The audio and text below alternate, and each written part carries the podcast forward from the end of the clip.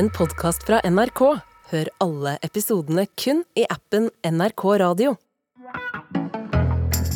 Det er bare én ting en kan gjøre med det norske flagget, og nettopp stikke det i rumpen. Hur många barn kommer inte att heta Gerald om, om nio månader? Det her er jo ikke statsbygning. Det her er jo børneopdragelse. Norsken, svensken og dansken med Hilde Sandvik, Åsa Linderborg og Hassan Prejsler.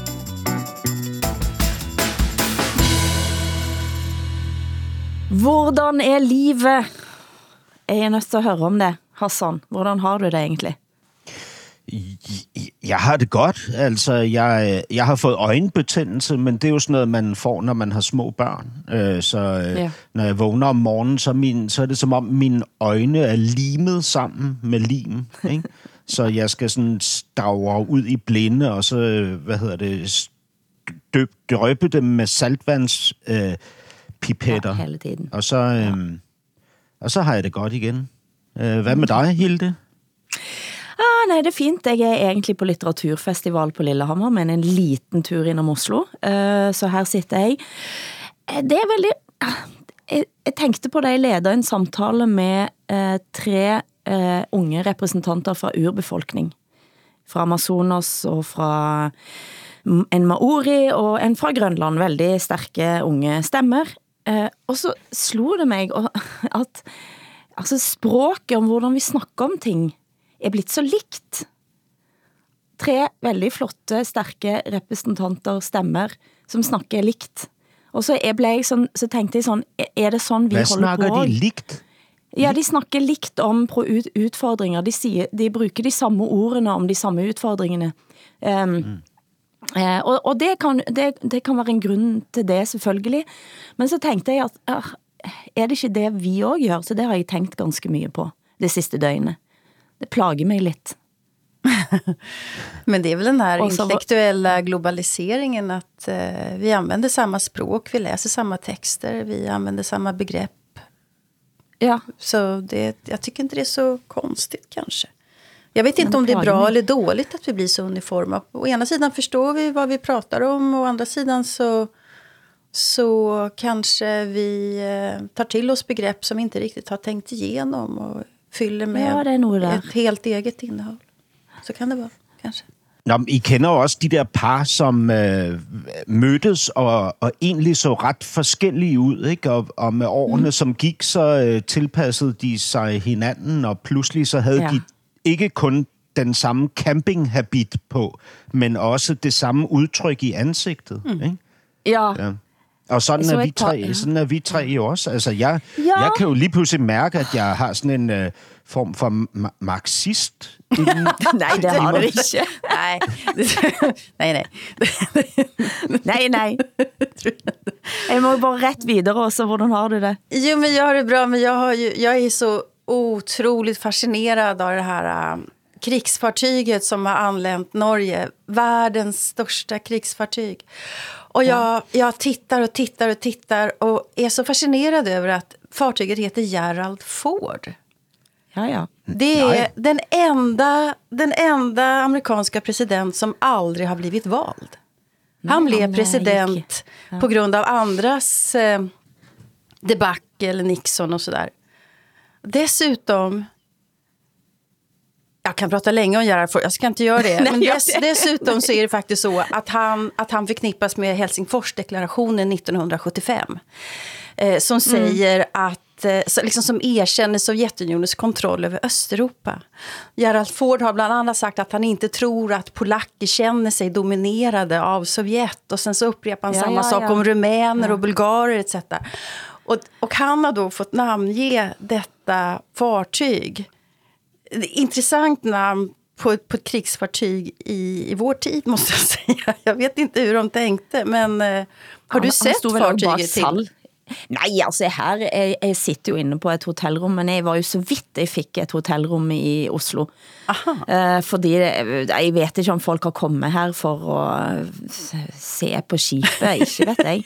Men altså, jeg vet jo folk stod, altså det var jo som en sånn slags, eh, jeg vet ikke, altså det, det var jo en happening i Oslo, tror jeg i går. Jeg fulgte det jo bare med på avstand. Eh, Men, men den eh, morsomste replikken jeg så var fra eh, Tore på sporet, som har et tv-program där der han, finner, der han lar folk finne opphavet sitt og, og reise kloden rundt for att finde din far og så videre. og han skrev 5000 gaster på väg til Oslo. Tore på sporet er rädda for, for framtiden. altså her, her er det 5000 eh, amerikanere som skal i land. Det kan komme til at komme nogle konsekvenser, mente da Tore på sporet. Oj, oj, oj, oj, oj, oj. Ja. Hur många barn kommer inte att heta Gerald? Om, Gerald. om nio månader. Eller Ford. Eller får. Men du også, jeg har, en, jeg har en høne at plukke med dig. Eller heter det det på svensk? Høne Jo, men en oplockad gås kanske. Eller inte vet jag vad man säger. En opplukket gås. men, men vi snakker om. Ja? Ja, noe sånt. Men vi snakket om 17. maj forrige uke. Mm. Og det du ikke nevnte med et ord, var journalistkollega i Expressen Gunilla Brodreis krigshissing mot Norge. Ja, ja. Som altså konkluderer med at det er bare én ting en kan gjøre med det norske flagget, og nettopp stikke det i rumpen. Prøvde du Altså, at holde dette oversat, unna? til, oversat til dansk, så, så ja. Ja. er det en svensk debattør, som øh, faktisk har formuleret, at man skal, at det eneste, det norske flag kan bruges til, er at stikke det op i røven. Ja, Er det rigtigt forstået? ja, det er Ja, helt rätt det, forstått. det, är det, det är det hon skriver, Gunilla Brod. Men holdt du det skjult for mig? Ja, alltså... Jag tyckte att det var ett sånt förnedrande känsloutbrott på något sätt. Jag skämdes lite för Sverige, tror jag. Som om jag har något ansvar för henne. Um, dessutom, texten var dessutom inlåst och jag ville liksom inte betala för att läsa det. Men däremot så har jag vänner som har berättat vad den har handlat om. Eh, jag blev så eh, beklämd på något sätt. Så att, jag ville inte ta upp det. Nej, jag, jag hoppades Nej, alltså att, jag hur- hoppas inte Hilde ser det här. För att Nettopp, det skapar så dålig stämning mellan Ah. naboländerna. Nej. Men det er jo dette vi må ta op også. Hun hadde jo selvfølgelig, hun hadde forsett sig på exit, som hun mente, eh, sa alt eh, om den norske natur. Eh, man pleide at være misundelig på nordmenn som lever nær naturen, men nå kan vi ikke slutte at tænke på, at de også lever nært på en svært problematisk side av menneskets natur, grådigheten. Girighet alltså. en girighed. Mm, ja, eh, jeg spurte selvfølgelig folk tog kontakt og lurte på om vi allerede havde snakket om det. Det havde vi ikke. Eh, en, eh, en skrev, eh, hvor har de det fra disse venstre ve- sideversioner av Tucker Carlson? Det spurgte en av mine venner, han er filosof. Vadå det vänstersida? Vad menar du med vänstersidan? Skulle Expressen Kultur vara en Venstre- vänstersida? Men det, det, det, Det tror jag tror inte, kunnskap der, der var, men, men han opplevde venstresidens version av Tucker Carlson, altså den amerikanske Fox Ja, ja. eh, Blanda inte in eh, vänstern i det här, skulle jag vilja säga. Det här är en högst personlig uppfattning. Men spørgsmålet, syns, det, syns dere det var ret, Hassan? Har hun ret? altså... Nå, men jeg, jeg, da, jeg synes da, den klumme har mange interessante pointer. Altså, den, den illustrerer jo ligesom, hvad kan man sige, en konflikt mellem et... Øh, Ja, altså et, øh, et billede, som jeg også har på Norge, ikke? og så en virkelighed, som er, som vi jo også har registreret i løbet af de her, den her programserie. En virkelighed, som er anderledes. Ikke? Og på den måde, så kommer det norske narrativ lidt til at fremstå som en fantasme. Ikke? Altså, at, mm. at der i virkeligheden foregår noget andet i Norge. Men, men altså, hvis jeg bare lige må sige, så synes jeg faktisk, at det, det mest interessante her, ikke? det er jo, at nordmændene får et direkte indblik i den svenske debatkultur, som vi jo, altså som vi, som vi forestiller os er, er øh, hensynsfuld og, og human og så videre. Ikke? Men, Nej, og, den er og ikke man, nu, nu kan man jo se, hvordan nordmændene gisper over brutaliteten i, i, det, i det svenske debatniveau. Ikke? Men, men for svenskerne, svenskerne, så tror jeg, det er meget almindeligt at skrive sådan her. Ikke? Også om en nabonation i virkeligheden. Mm. Men, men så kan man så se, at, at nu, er, nu er, hvad hedder det, ligesom ordvalget er jo brudt igennem øh, øh, boblen, altså betalingsboblen, øh, ja, naturligvis, men også den nationale boble, ikke? Og, og ja. der tror jeg, at nogle svensker også bliver forskrækket over, at, at vi nu får indblik i, hvordan man diskuterer mm. i Sverige, ikke? Øhm, er det rigtigt, Åsa, at man skammer sig lidt over, hvad hedder det? Ja, jag ska också säga absolut. Det, var, det var ju ingen som sa så här, nej men nu har, nu har eh, hon gått för långt och så här kan man inte säga. Utan det var ett utbrott om Norge, sen sa vi andra utbrott om andra frågor. Alltså det är, det är väldigt eh, hårt. Eh, skulle jag säga. Jag ska inte säga att allt som skrivs är, är, är underhaltigt. Det tycker jag inte. Alltså det finns väldigt, väldigt, väldigt mycket bra opinionsjournalistik i Sverige. Riktigt mycket bra. Men, men sen så finns ju också... Men debatttonen är hård. Det. Men det här räknar jag inte som en debatt. Det Det, här var ju bara ett känsloutbrott. Liksom. Jo, men, men de samme pointer kunne man jo godt have set illustreret i en artikel i den danske weekendavisen, for eksempel, men, mm. men med et helt andet sprog, ikke? Altså, mm. hvor, hvor, det, Ja, ja, hvor, det så, det er sant. hvor, hvor, hvor den ville have fremstået interessant, den artikel, ikke? Uh, uh, altså, men, men det her med at, at stikke, hvad hedder det, nationalflaget op i sin røv, ikke? Altså, det er jo virkelig... Ja, det, det er jo... Det er et ordvalg af en anden verden. Jeg synes, det er meget spændende. Jeg, jeg er ret begejstret for det her. Men jeg ba altså folk om at komme med elegant svar på denne krigserklæringen. Eh, svarene var så ymse, men var en som skrev at han foreslo at sende over lidt av den norske oljen for at gøre applikationen av flagget lidt lettere. At Man kunne liksom, som et slags glidemiddel. Det, det tyckte jag var roligt. Det var ju morsom. Det var fyndigt, tycker jag. Men, men flera sa ju att hon har ju helt rätt. Uh, ja, och att det är mycket som sker i Norge i ögonblicket som, mm, som man inte snackar så högt om. Uh, en melding tikker in i inboxen, uh, som skriver om 17. maj förra veckan Alle jeg har snakket med, som var på jobb i en eller annan funktion på 17. maj, er omtrent i granatchock over tilstanden. En brukte ordet zombie-apokalypse helt uten ironi. Selv brukte jeg store deler av nationaldagen for att holde fria frie på tenåringer, så de ikke skulle kvæles i sitt eget opkast. Fordi eh, festen ut utarter altså til en vanvittig fyllekalas, og med folk ruller rundt i de ekstremt dyre nationaldragtene, eh, og, og, og, og raver rundt i gatene, og etterpå så har det varit eh, inlägg av typen, hvor i helvete er föräldrarna?” Men det tänkte jag vi kunde snacka om. Men jag måste fråga här bara, stopp. Alltså är det så att eh, unga människor har börjat dricka alkohol först nu i, i Norge? Nej, nej. Är det första året Men- eller? Alltså har ni släppt På något alkoholförbud? Alltså är, nej? Men det har taget av. Altså sånn, fejringen også av, av nationaldagen blir en helt anden type fest. Uh, og altså, det er mange som mener at det er bare et symptom. Og det jeg lurer på er at ja, du siger, har vi sluppet op? Men det har jo skjedd et eller andet efter covid, kanskje. Ja, ja men, men jeg tænker på, altså det, at Åsa spørger om det første år, hvor man i Norge har, s- øh, oplever, at de unge drikker på nationaldagen den 17. Nej, maj. det er det jo men, ikke. Men det er jo, det, jamen, det er jo interessant, at Åsa spørger, fordi jeg har det på samme måde. År efter år, så har vi fejret, sammen med dig, Hilde, har vi fejret nationaldagen og hyldet dig for at gå med nationaldragt og sølvkniv, ikke? Og vi har, vi har elsket, hvad kan man sige, øh, øh, den, den samlede norske nationalfortælling på denne dag, ikke? Om sammenhold, om fællesskab. Et fællesskab, som er så rummeligt, at muslimer kan gå med på den dag i, i, i deres egen nationaldragt, ikke? Mm-hmm. Og så videre, og så videre, og så videre. Pludselig, så oplever vi de her øh, historier, som jo fortæller ikke bare en nu- mere nuanceret historie, men en omvendt historie. Altså, Hilde, ja. du blev hjemme fra nationaldagen, ikke? Og holdt dig for dig selv, ikke?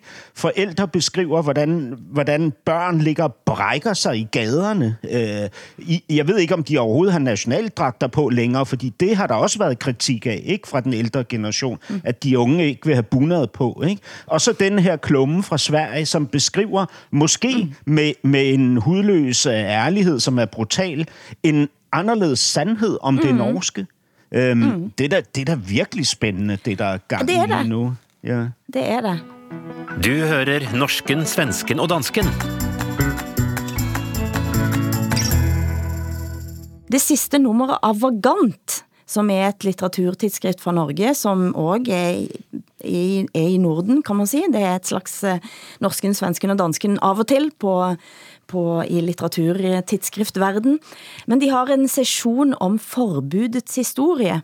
Den begynner med en interessant samtale mellem en svenske, en nordmand og en tysker om hvilke forbud han møtte som barn, og hvad de setter foten ned for sine barn med nå. Kan vi snakke om det? Har dere læst denne eh, samtalen? Ja, jag läste med stor behållning. Ja. Eh, eh, hvil- Hvilke forbud havde dere, da dere var barn? Hassan? Ja, hvilket forbud jeg havde.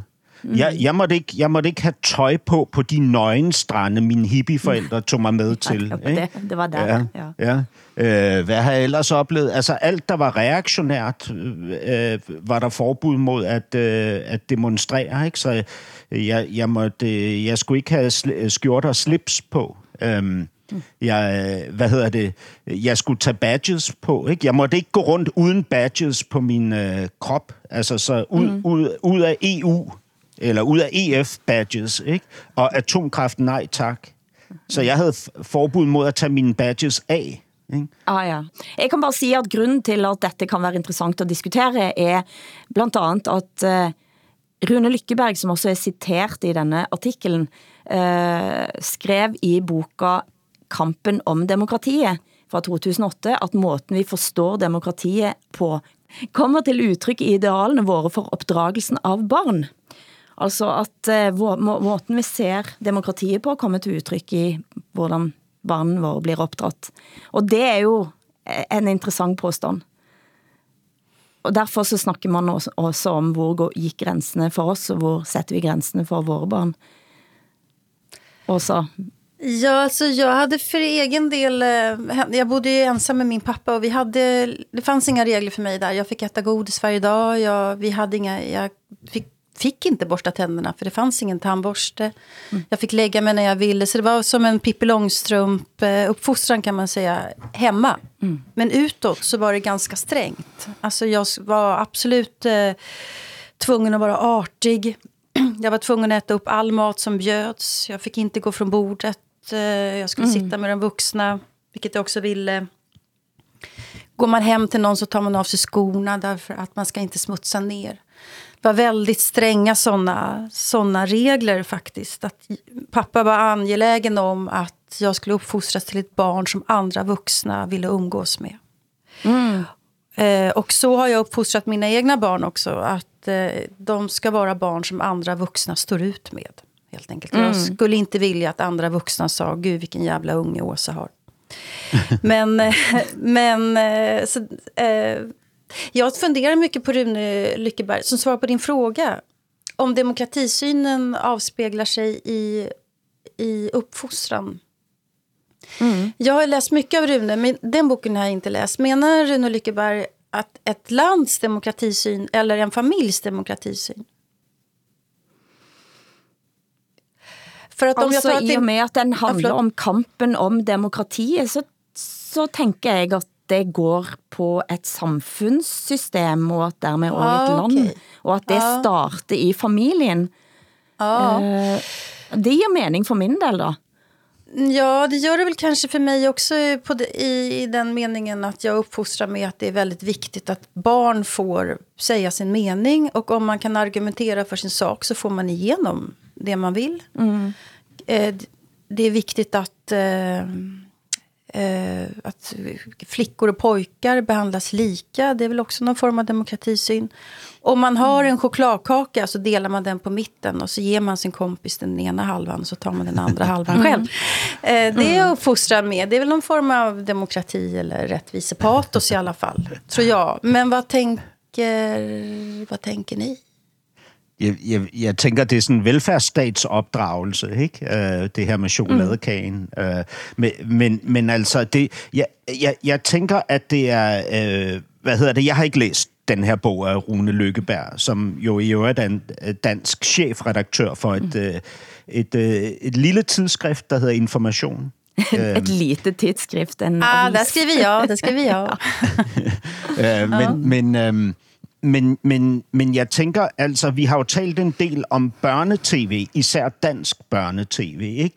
Og mm. en af de ting, man jo taler om, det er, at man kan jo se, hvilket øh, syn man har på demokratisering eller, eller skabelsen af, af sine nye borgere gennem det børnetv, man udsætter dem for. Ikke? Især mm. når det er statsreguleret børnetv, som det jo er i vores nationer. Ikke? Og, og jeg er jo vokset op med svensk børnetv. Det blev vist på dansk tv, så jeg har set Den Hvide, hvide Sten og Pippi Langstrømpe og, og hvad hedder det, Emil fra Lønneberg naturligvis. Ikke? Den hvide sten husker jeg meget, meget tydeligt med, med de her, øh, den her lille dreng og den lille pige. Øh, Hun er rig, han er fattig, og de øh, giver hinanden udfordringer, som de så skal løse til næste gang, hvor de kan give den hvide sten tilbage igen. Ikke?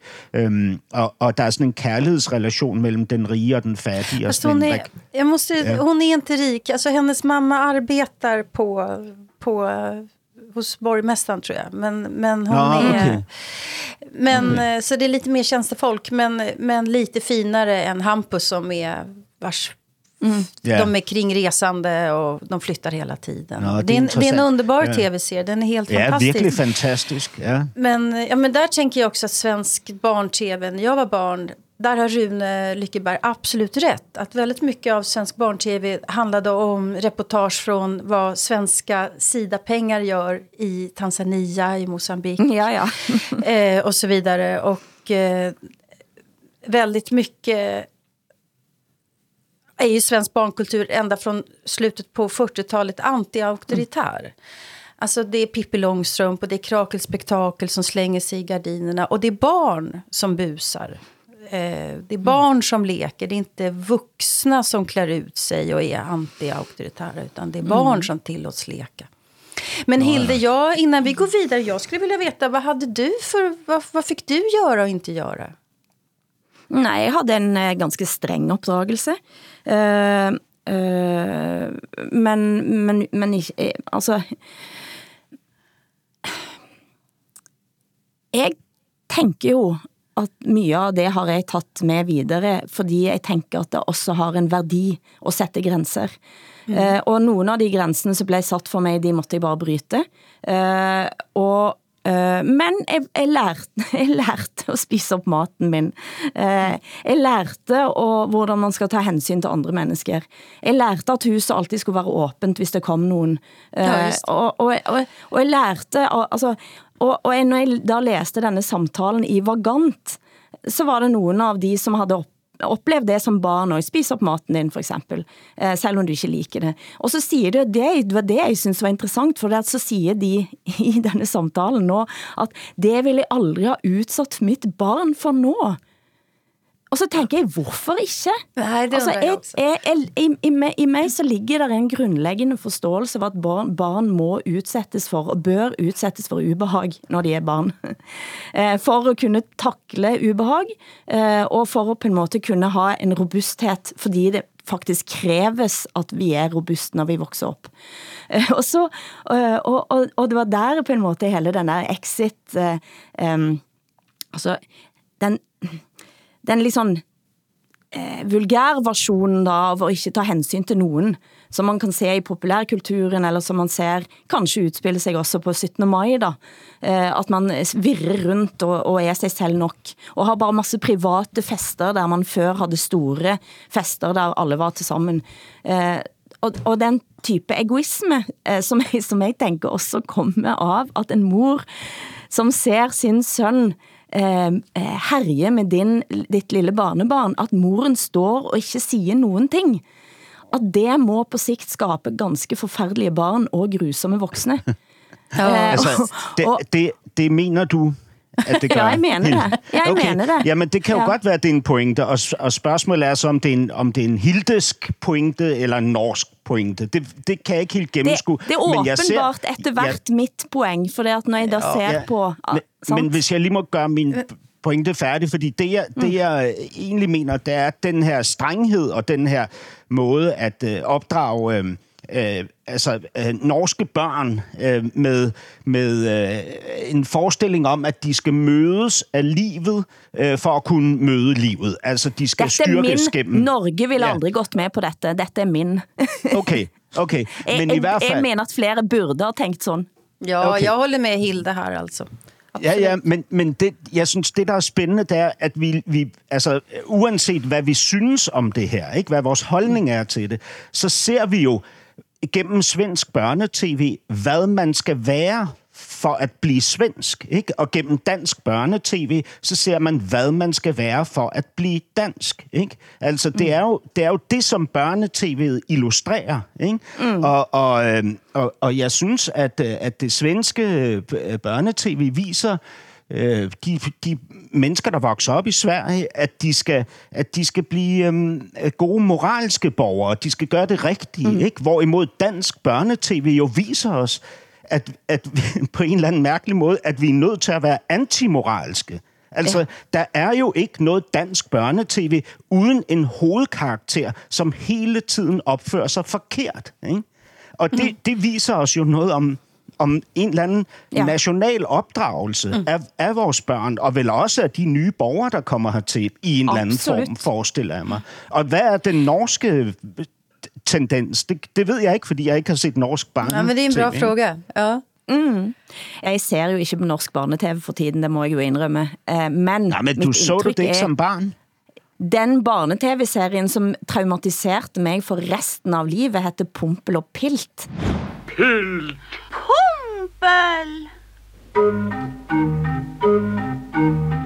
Som var en sånn s- s- absurd, surrealistisk dokke eh, teater. Men nå, tenk, nå tror jeg mitt indtryk er at det er veldig politisk korrekt barne-tv eh, i Norge. Veldig. Ja, det är det i Sverige också. I alle det är det. Gud ja.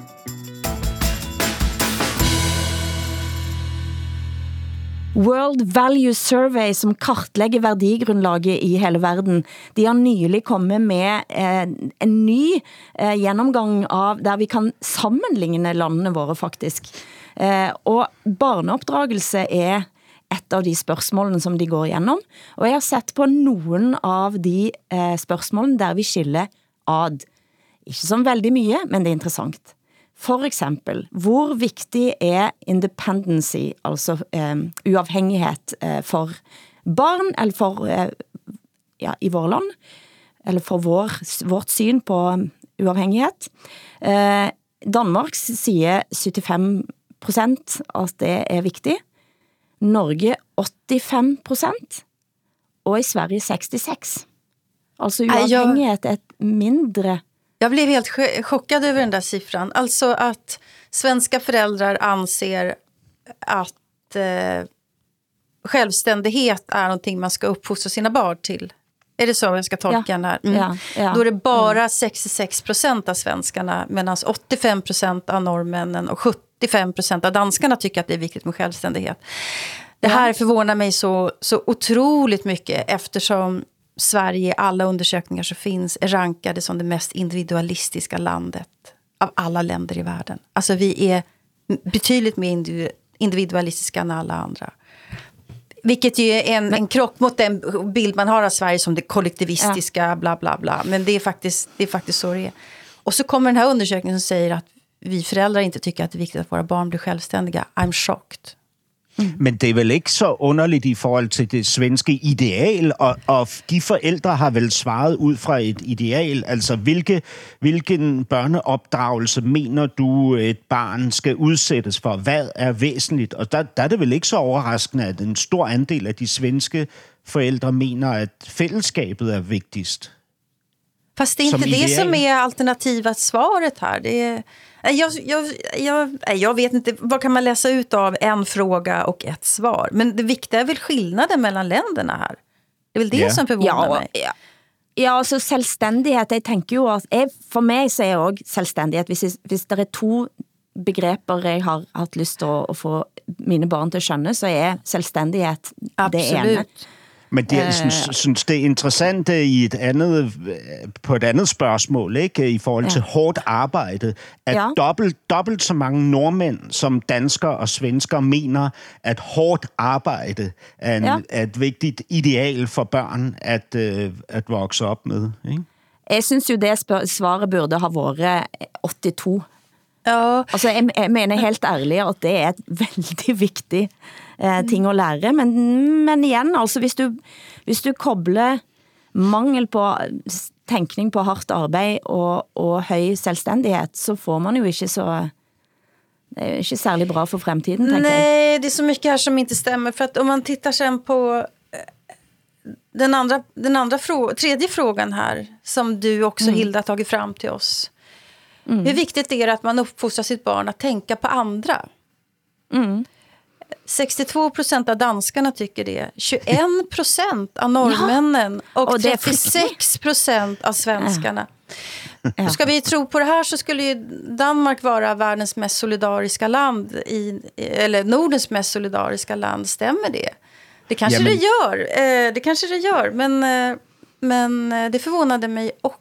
Vem har gjort den här undersökningen, Hilde? Hur många har svarat? World Och- Value Survey, det er jo et, eh, det er et stort... Det är erkänt institut. Det ja, mange det det, vi, vi tusind vender tilbage til den her respondenter. undersøgelse mm. hvert år. Ikke? Mm. Men jeg synes, det er interessant. Det, men igen, det her er jo ikke statsbygning. Det her er jo børneopdragelse. Hvilket ideal mener du, dine børn skal opdrages på baggrund af? Ikke? Der synes jeg, det, det er mega spændende, at, øh, at det kun er en femtedel af de norske børn, som, som opdrages med det ideal, at de skal være øh, uegennyttige. Ikke? Mm. Altså, øh, det, det, Helt enig. Det er grusomt. Men det är ju, det är ju Det är exit. Det är ju exit här Det i så fall. exit. Og hvis du Men er hun har ret, den, norske, den, den ja. svenske debattør. ja, jeg tror Usch, jag det. vill inte erkänna att hon har rätt på den punkten.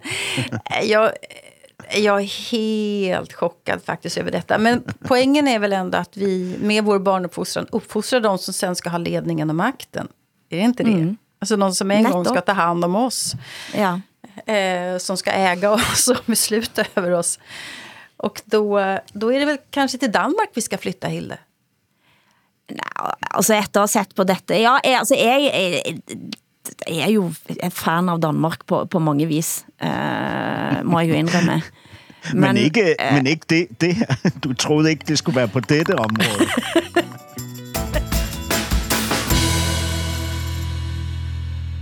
Lena Andersson, denne svenske eh, debattør, forfatter og så videre, har skabt stor debatt i Sverige, som kanskje kan svinge lidt innom den samtalen vi har nå. Hun har sagt at påstanden om at barn er hungrige, altså sultne i Sverige, er enormt overdriven. Det sa hun også på P1 Morgen, der hun forsvarte en tekst som hun har skrevet i Svenska Dagbladet, om at det er foreldrenes feil om barna er sultne når de går på skolen i Sverige. Jag reagerade på denna ja, enorma överdrift som det här innebär. Eh, att det är en obehaglig politisk retorik och att det helt enkelt inte är eh, troligt att människor behöver gå hungriga i Sverige.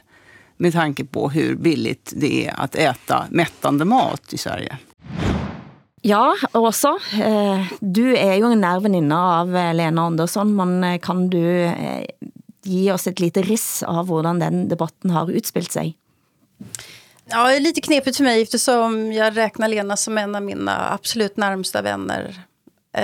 Och, och det är så, så fint tycker jag eftersom vi inte alltid håller med varandra politiskt. Och det här är väl en sån fråga. Jag håller med Lena till hälften. Men det som har hänt, vi har ju två, vi har två Andersson, Madame Andersson i Sverige. Vi har Lena Andersson som är debattör. och Sen så har vi Magdalena Andersson som ju är oppositionspolitiker. Och Lena Andersson ger sig på Magdalena Andersson här. Hon tycker att det är ohederligt att, att den svenska politiska oppositionen eh, pratar om hungrande barn och, och så vidare. Att barn svälter, tror jag till och med att någon har använt uttrycket. Och skyller det på regeringen som bara har suttit några månader. Som om Magdalena Andersson aldrig själv har varit finansminister. Som om Socialdemokraterna inte har styrt landet i hur många år som helst. Där har ju Lena Andersson en stor poäng tycker jag. Hun siger blandt andet, at eh, altså, hvis, eh, hvis tanken er at du skal måtte købe halvfabrikat av mat for, for at give ungen din på vej til skolen, eh, så, er, så, det kan være, så kan det være ganske dyrt. Men hvad er galt med havregrøt? Mm. Det koster næsten ingenting. Mm, nej, men det är här som vänstern då även socialdemok vänstern, socialdemokrater och liberaler firar ju liksom julafton när Lena Andersson säger sådär. Därför att allt kokar ner till en påse havregrynsgröt och eh, det är billigt och det är nyttigt och sådär. Eh, och eh, det jag tycker att man missar lite, och, och det blir sån här Oliver Twist-estetik i hela, i hela retoriken. Alltså det blir, oh, Magdalena Andersson är som Maria Antoinette eller mm. bla bla. Och så blir det väldigt gråtmilt lidande liksom. Eh, men om man tittar på statistiken så, så, så, är det, så är det ändå så att, att av ensamstående föräldrar som tjänar under 35 000 kronor i Sverige, det är en ganska vanlig inkomst faktiskt. Tre av tio ensamstående föräldrar som är låginkomsttagare har svårt att ge näringsriktig kost eh, mm. alla dagar i veckan. Det är den siffra vi har att hålla oss till. Och det var innan kriget bröt ut i Ukraina. Så Hvad tänker du, Hassan? Jamen, øh, øh, ja, altså, øh, jeg, jeg ser på de danske tal, og, og der er både den relative fattigdom og, og børnefattigdommen er faldende øh, år for år. Ikke? Der er færre og færre danske børn, som har forældre, der lever under fattigdomsgränsen. Mm. Ikke? Um. Det är fler i Sverige, men det, det har att göra med att vi har en större invandring än vad ni har haft också. Mm. Det... Men det jag syns ja. är intressant är att, att eh, det blir så mycket eh, rabalder fordi att Lena Andersson påpekar att det är möjligt att leva billigt. Eh, och det är ju något där då som är helt uhört att säga. Jo. När många folk sliter.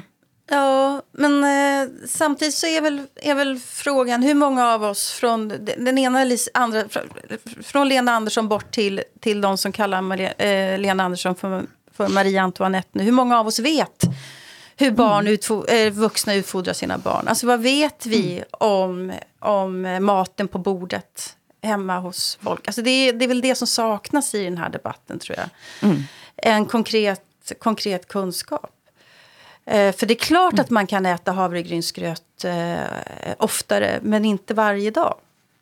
Och, och, och det svåra är väl om, om, vi har, om man redan har det ganska knapert och sen så kommer inflationen med mm. kapar inkomsterna med ytterligare 10 samtidigt som räntorna ökar och så där, om man nu är skuldsatt. Då blir det ganska, ganska svårt tror jag. Mm. Men jag tycker absolut att Lena har... Och, och ska också säga det till Lenas försvar här att hon har ju ägnat ett, ett, nästan ett helt författarskap åt mat.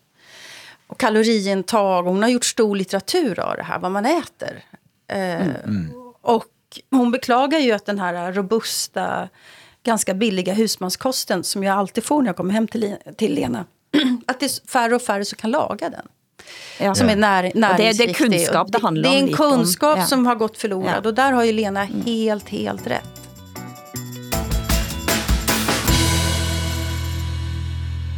Disse barna som vi snakker om nu, som får opdragelse, eventuelt ikke, eh, de havner i skolen. Og jeg har ikke tal på hvor mange artikler jeg har læst de sidste årene om lærere som ikke orker at være lærere længere.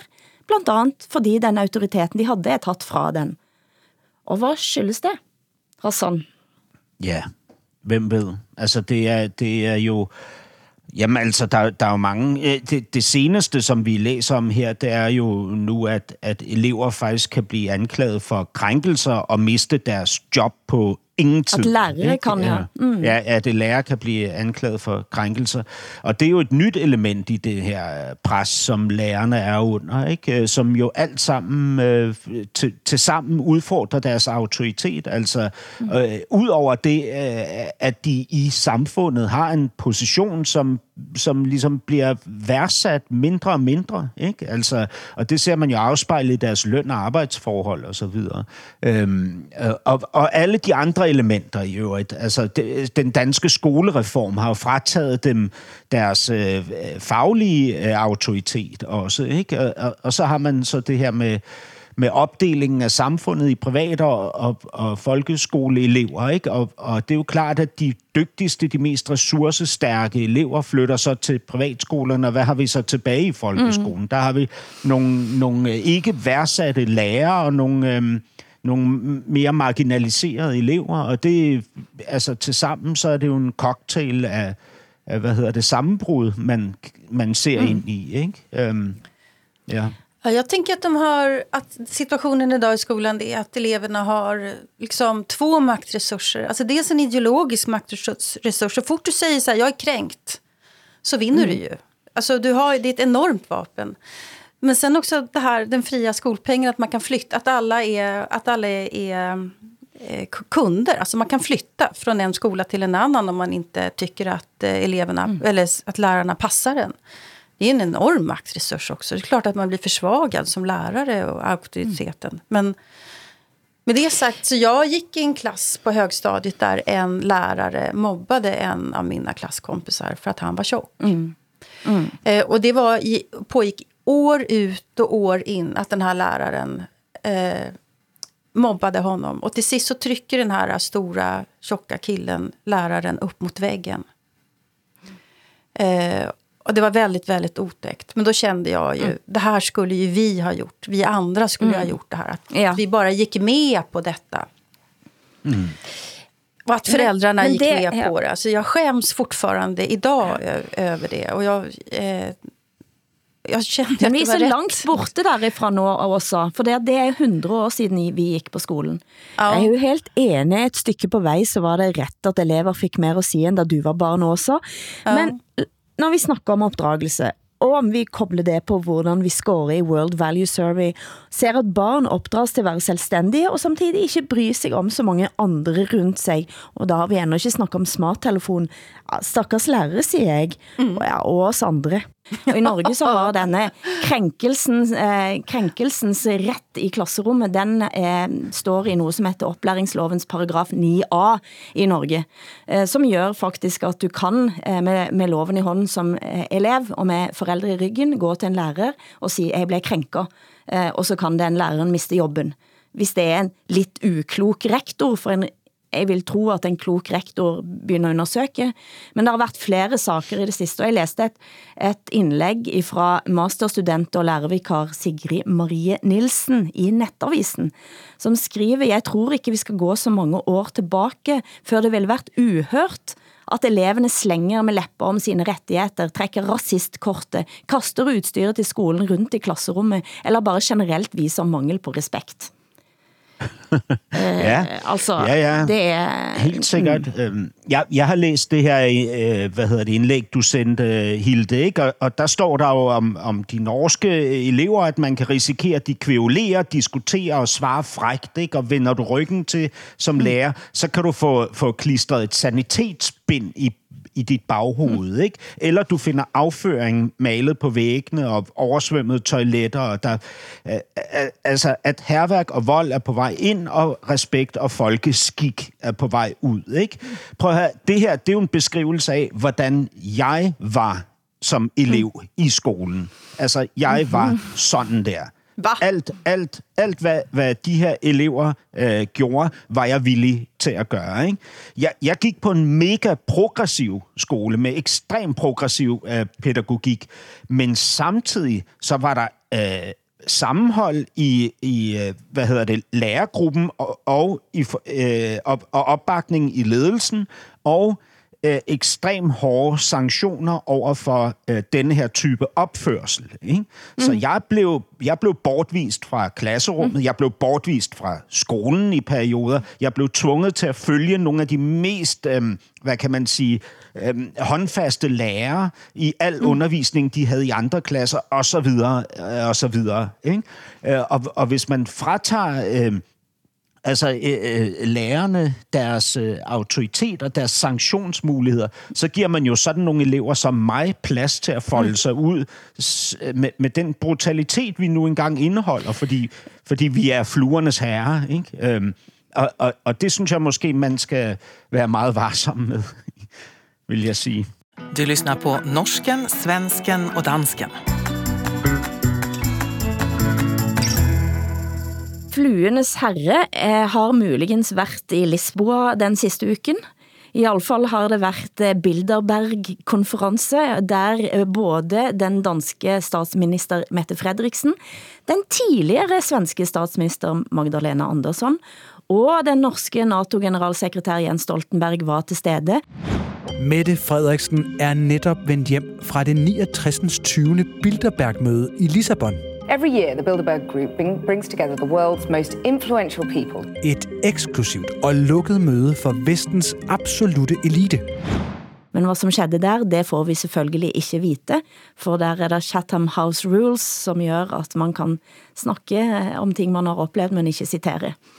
Eh, Så hvad skal vi tro, Hassan? Du ville snakke lidt om Bilderberg.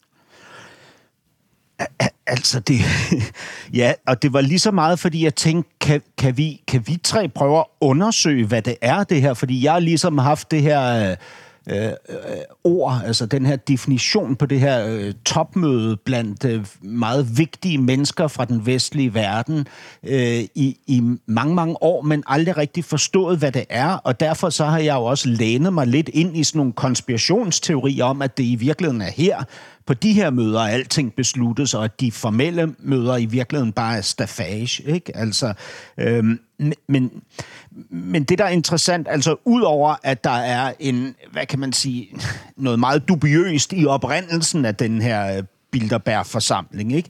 Så, så, så fremstår det faktisk, når man øh, læser forskernes beskrivelse af Bilderberg og Bilderbergs reelle indflydelse, at den er ikke eksisterende. at det her er i virkeligheden en klub, man ønsker at tilhøre alene, fordi det er en klub, man ønsker at tilhøre. Ikke? Så det er kun eksklusiviteten, der er øh, trækplasteret her.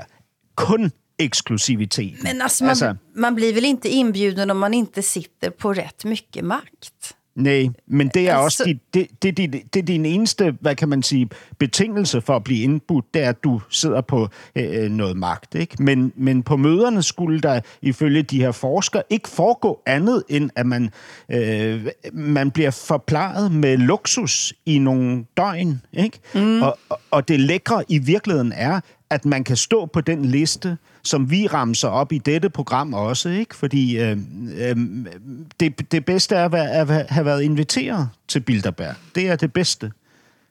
Det er det, det hele handler om. Det, det har jo skjedd 69 ganger, eh, og denne gangen så kom også en av de som er virkelig kingpin i, i Bilderberg-systemet, 100 år gamle Henry Kissinger var där, Kissinger var där, som, eh, men med masse säkerhetsfolk ifra, som Biden hade sänt från USA. Eh, og eh, jeg Guardian eh, skrev om årets Bilderbergkonferens som är alltså en samling av folk från USA och Europa, Och det kom ju för att man trængte at dæmme op mot Sovjet i sin tid i 1954. Eh, inte Men bara Sovjet, år så- alltså inte bara Sovjet, det Ja. var ju liksom Men all fackföreningspolitik som, som Bilderberggruppen attackerade. Det var ju det var inte bara Sovjet, det handlar ju om arbetarrörelsen i dess helhet. Jag tror vi i, måste i komma ihåg det och därför blir det ju ganska intressant att socialdemokrater som är bemärkta nu kan tillhöra Bilderberggruppen. Ja, det, har- det har de gjort i lang tid i Danmark. Ikke? Poul Nyrup Rasmussen, den ja. tidligere socialdemokratiske statsminister, har også siddet med til Bilderberg-møder. Ikke? Det, det, men altså... Men i år øh, me- mente Guardian at det minder mer om et krigsråd. Ja, men det tror jag också. Det Ja. tror jag också. Och just därför så blir det så, så... De säger ju själva att de inte har någon makt, Bilderberggruppen. Nej, vi har ingen makt. Eh, och, och det går vi på. Och så, och, så, och så tänker vi att de- det här är människor som inte har någon makt. Problemet är ju när man tillskriver dem, alltså när tokstollarna säger det är bara judar eller bara fri, eh, frimurare eller det är nazister för att det en gång var någon nazianstruken som var med och grundade det här. Alltså, det, allt, allt det där måste man ju bara skala bort. Men sen måste man ju också inse att det här, det är klart att det är människor med makt som sitter där. Det de pratar om, det, det liksom kommer att påverka oss, men och de är ju inte hemliga längre. Även om mötena är hemliga så får de ju ut sin politik. Man rapporterar, man skriver om det i The Guardian, man rapporterar sen vad de har haft på sin agenda. Sen så hör man ju var och en som kommer ut därifrån som babblar på i någon slags samstämmighet om någonting, vad som är ett problem och hur det till hälften ska lösas. Eller? Ja, altså jeg, jeg, Ingeborg Philipsen, som øh, har lavet en Ph.D.-afhandling om Bilderberg øh, på Københavns, som er forsvaret på Københavns Universitet, øh, fortæller, at, at hun altså, at det er sådan, at man er med i Bilderberg, fordi det giver prestige, enorm prestige, ja, at, være, at være med i noget eksklusivt og hemmeligt. Og man er ikke med, fordi møderne i sig selv har nogen afgørende betydning, hverken for dit eget liv som deltager, eller for udviklingen i verden, konkluderer hun. Fast, og hun siger fast simpelthen, så säger man ju att nätverksbyggande inte betyder någonting. Då ja, säger alltså, hon ju att mänskliga relationer, att människor ja. man träffar, att det inte genererar någonting i makt. Ja, det är, det är en alltså, ganska unik uppfattning skulle jag säga om, om hur mötes, vad möten har, betyder. Hon, hun har jo forsøgt at forske i, hvilke hvad hedder det, pointer man ligesom kom med, øh, hvordan de forskellige øh, øh, stater så på forskellige spørgsmål, og hvordan det så udviklede sig efter et Bilderberg-møde. Ikke? Og, og kan ligesom konkludere, at, at det, som er definitionen, er, at man tilhører en elite. Ikke? Og det er, det er sådan set det, det hele går ud på. Ikke? Fordi du, som hun skriver, så ved du noget. Det, det, der, det er en meget en hemmelig elite, ikke, som mødes. Eller ikke en hemmelig elite, men en hemmelig dagsorden. Så du ved noget, som de andre ikke ved. Ikke dem udenfor. Det er måske fuldstændig overflødige informationer, du har. Men alene det, at du har noget, som du ikke må tale om, for prestigen til at stige. Ikke? Men det jeg kan ja, det si er at uh, Mette Fredriksen har uh, mast i årevis for at få lov til at komme til det hvite hus. Straks hun havde været uh, på Bilderberg-konferensen, kom beskeden om at nå skal Mette Fredriksen få lov til at møte Biden, uh, og det skal ske i det hvite hus på den danske nationaldag. Ja. Tilfældig neppe. Hvad tænker du, Hassan, om det? Jamen altså, så, så, skulle man, så, så er påstanden så, at det er kommet øh, til verden på Bilderbergmødet. Altså, det, det modbeviser jo forskernes øh, hvad hedder det, beskrivelse af, af mødets øh, værdi. Men, okay. Men det är en konstig slutsats, tänker jag, om några av världens absolut mäktigaste människor möts och säger att det mötet inte har någon betydelse. Ja. Det är väldigt konstigt. Det, alltså, då, då, att de bara skulle mötas för att de ska klia varandras tryggar och ge varandra exklusivitet. Ja. Som att de här, det de sitter och pratar om timme efter timme inte, skulle vara helt meningslöst. Det, jag tror inte på det. Yeah. Alltså det är en stor intervju med Henry Kissinger i, i The Economist nu till exempel. Han, han pratar om allt möjligt, han är hundra år, det, visst blir man imponerad. Men det är klart att det han har att säga på, på Bilderberggruppen, det får vi veta sen. Och det kommer vi att förhålla oss till. Och det kommer alla som sitter på det där mötet att förhålla sig till också. Han är rädd att eh, USA och Kina ska snubbla in i ett, i ett världskrig till exempel.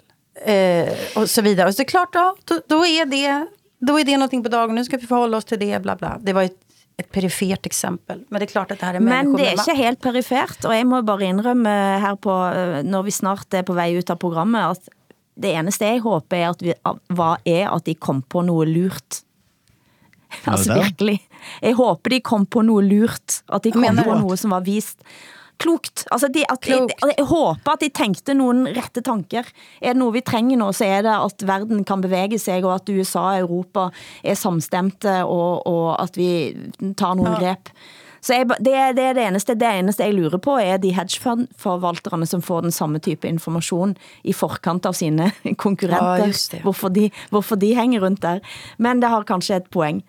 Alltså jag hoppas också Hassan, att de kommer fram till något, något vettigt. Men för mig, politiskt och ideologiskt, så står ju de på fel sida helt enkelt. Jag förväntar mig ingenting. Jag, jag skulle ju lägga stor del av ansvar för att världen ser ut som den gör på just dem som åker dit. Eh, det är min personliga uppfattning. Jag representerar inte Sverige i detta.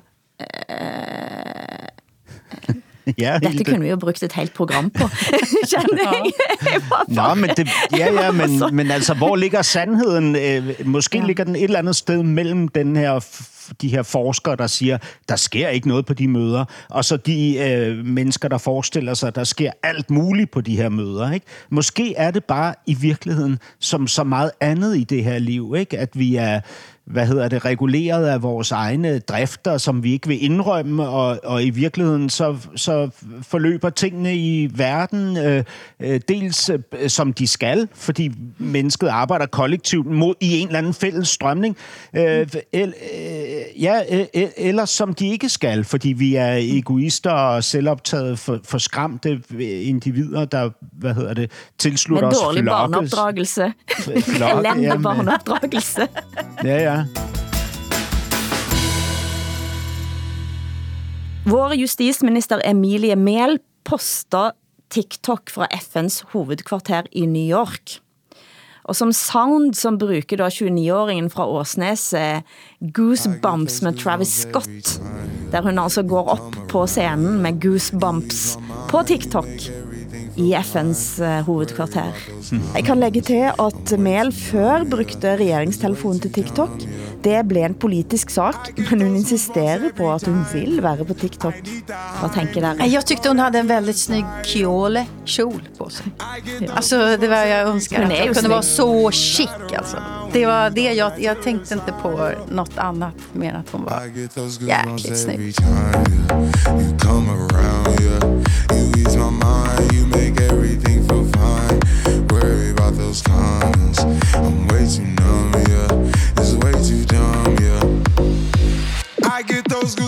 Produsent har vært Eskil Paus, tekniker Hans Christian Heide, takk til Åsa Linderborg i Stockholm, Hassan Preisler i København, jeg Hilde Sandvik sitter i Oslo i dag.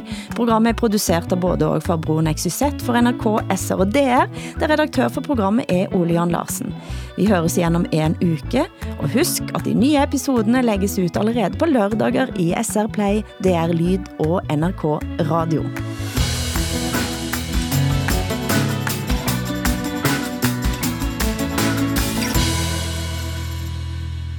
Du har hørt en podcast fra NRK.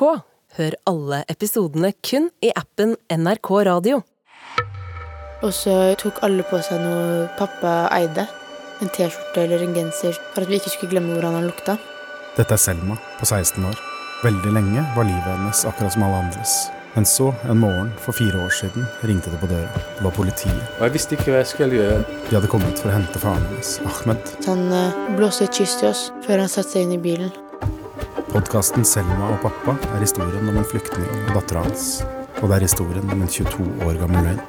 Hør Selma og pappa i appen NRK Radio.